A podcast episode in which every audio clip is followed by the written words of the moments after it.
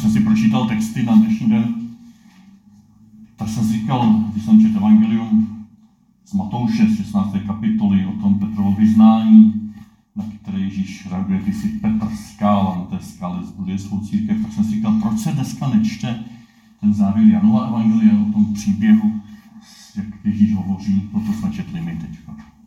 A pak jsem se trošku ještě zalistoval, ale se to četlo včera při Vigilii.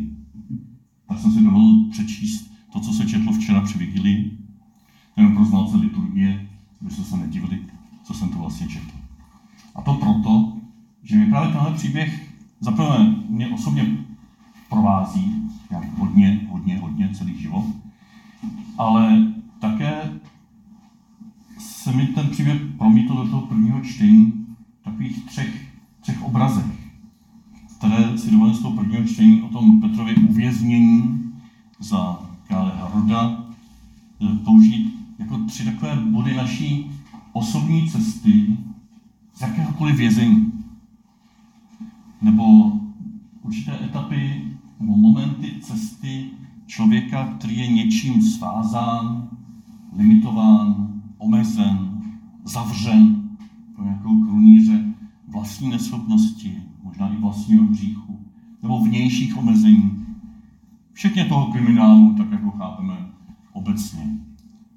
Včetně toho kriminálu, ze kterého můj táta, na kterého dnes také vzpomínáme při mši, jednou vyšel a mohl žít zase svobodný život. Včetně vězení nemocí, které nás také služí. A zase, když dnes myslím na oba mé rodiče, tak se mohu prožívat, jak je postupně víc a víc omezují jejich nemoci, vzájemně je prožívali v těch posledních měsících, vzájemně si sloužili i přesto veškeré veliké omezení. A toto říkám jenom proto, abychom si možná my sami teď ve svém životě pojmenovali něco z vlastních vězení. Z vlastních vězení, kde se cítíme omezení. Zevnitř, znějšku. Možná, že i do těchto našich vězení, na které třeba teď jenom vy myslíte, může být dobrým pozbuzením to, co tady prožil Petr. Nebudu ten text rozbírat celý, ale zastavím se u těch tří momentů, kdy Petr od anděla v jeho vlastním vězení slyšel zaprvé vstaň, rychle vstaň. Potom slyšel opásej se a obuj si opánky. A to třetí, co slyšel, přehoď si pláž a pojď za mnou.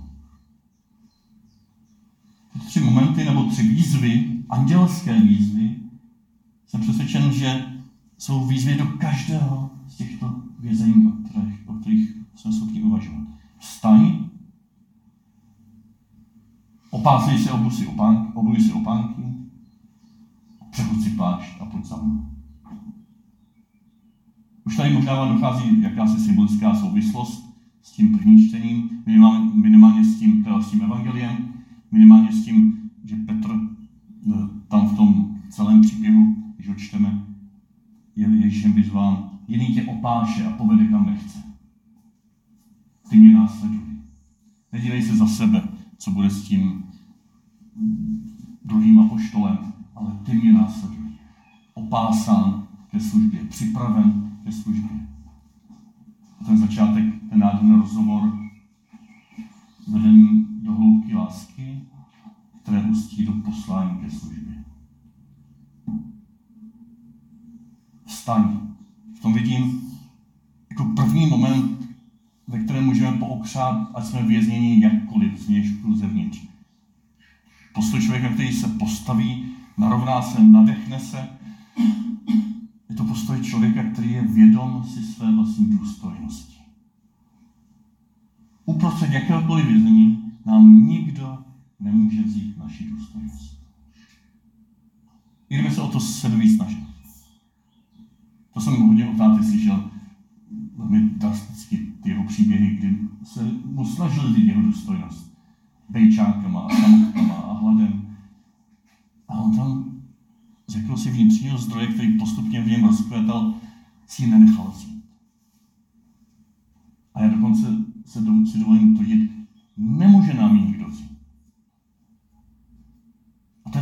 nás může uprostřed těch omezení, nemocí, dokonce i umírání, jakoby symbolicky postavit na nohy, i když zůstaneme ležet.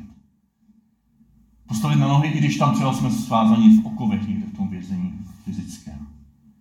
Postavit na nohy naší důstojnosti, že se nadechneme a vnímáme, že nás Ježíš bere za ruku, jako tu cizelnou ženu, říká, pojď, postav se, podívej se mi do očí a jako toho Petra se nás ptá, mě rád? To není úkol, to je pozvání. V téhle důstojnosti obnovit, přijmout osobní vztah s Ježíšem, který tu důstojnost nechá rozkvést zevnitř, v jakémkoliv vězení. To je to první, vstaň. Vzít svoji důstojnost, nebo neuvěř té lži, že tě někdo bere tvoji důstojnost. Seš v mých očích pravdivý, krásný, nádherný, nádherný člověk, muž, žena. A si jakkoliv zdeptan, jakkoliv nemocen, jakkoliv omezen. A dovolím se říct i jakkoliv upadající do nějakého zlozvyku, hříchu, vlastního vězení. Ani to tě nemůže, nemůže vzít svoji, tvoji důstojnost. To druhé, opásají se a vem si opánky. To je symbol služby, symbol připravenosti ke službě. Uprostřed jakéhokoliv vězení můžeme být těmi, kdo překračují naši vlastní bolest, strach a sloužíme druhým. Jsme tam pro ty spoluvězně. Jsme si vědomi, že tady nejsme sami na světě, kdo trpí. A kdybychom nic jiného ne- nemohli, než si vzpomenout na ty, které jsou v podobné situaci a modlitbě je přinést před Boží trůn, tak už to je hodně. Jsme ti, kdo jsou opásáni ke službě modlitby. Opásání ke službě lásky, když za námi přijde někdo na návštěvu a opravdu nás to otravuje nebo nás to zatěžuje, tak alespoň ho vlídně přijmeme a požádáme, aby třeba přišel příště, že nám teď není dobře, ale nevyhodíme ho, protože jemu posloužíme tím, jako přijmeme. Prostě každého vězení, to je ten druhý bod, můžeme být služebníky Kristovými. Nechat se opásat i tam, kam se nám nechce. Nechat se opásat těm prostým službám, ty zase táta vyprávěl, jak se tam dělili o, o kus toho malého chleba, který dostali na celý týden. A ještě si ho rozkrojili, aby měli i ti, kteří, kteří třeba dostali ještě méně.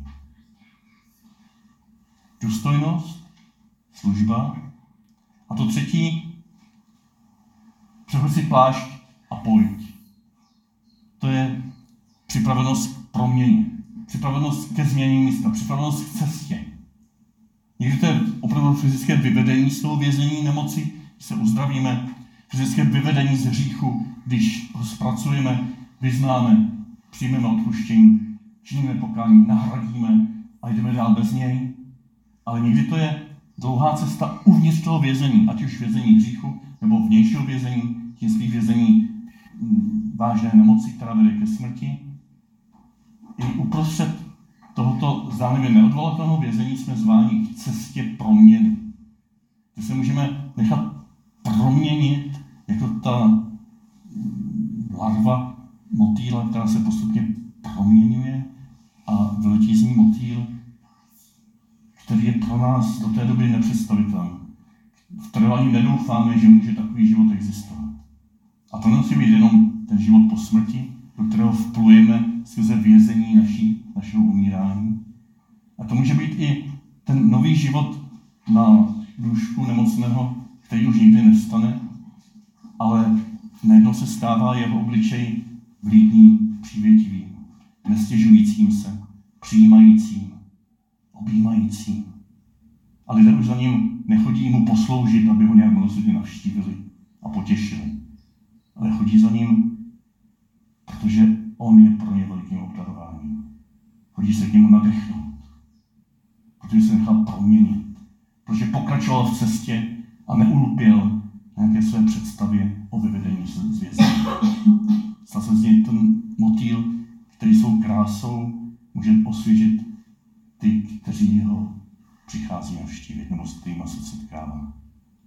Takže Ježíši děkuji, že v našem životě nám posíláš anděly v našich vězení, a co jakákoliv. A že i nám říkáš vstaň, opásej se Vem si plášť a jdi.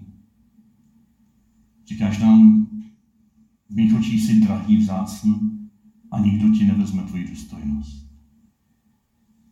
Říkáš nám, buď připraven k drobným službám lásky.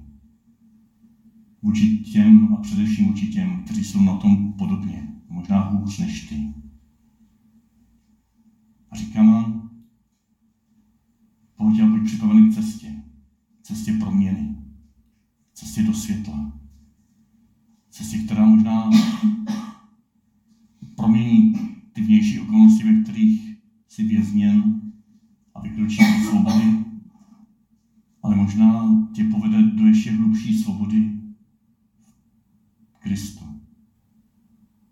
Který si nikdy nenechal vzít svou důstojnost, ani když byl byt na kříži.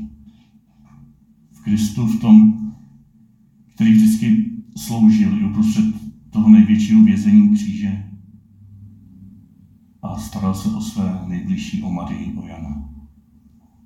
Svobody v Kristu, který byl připraven k cestě. I tam, kde každý už ji odepsal v hodině jeho smrti.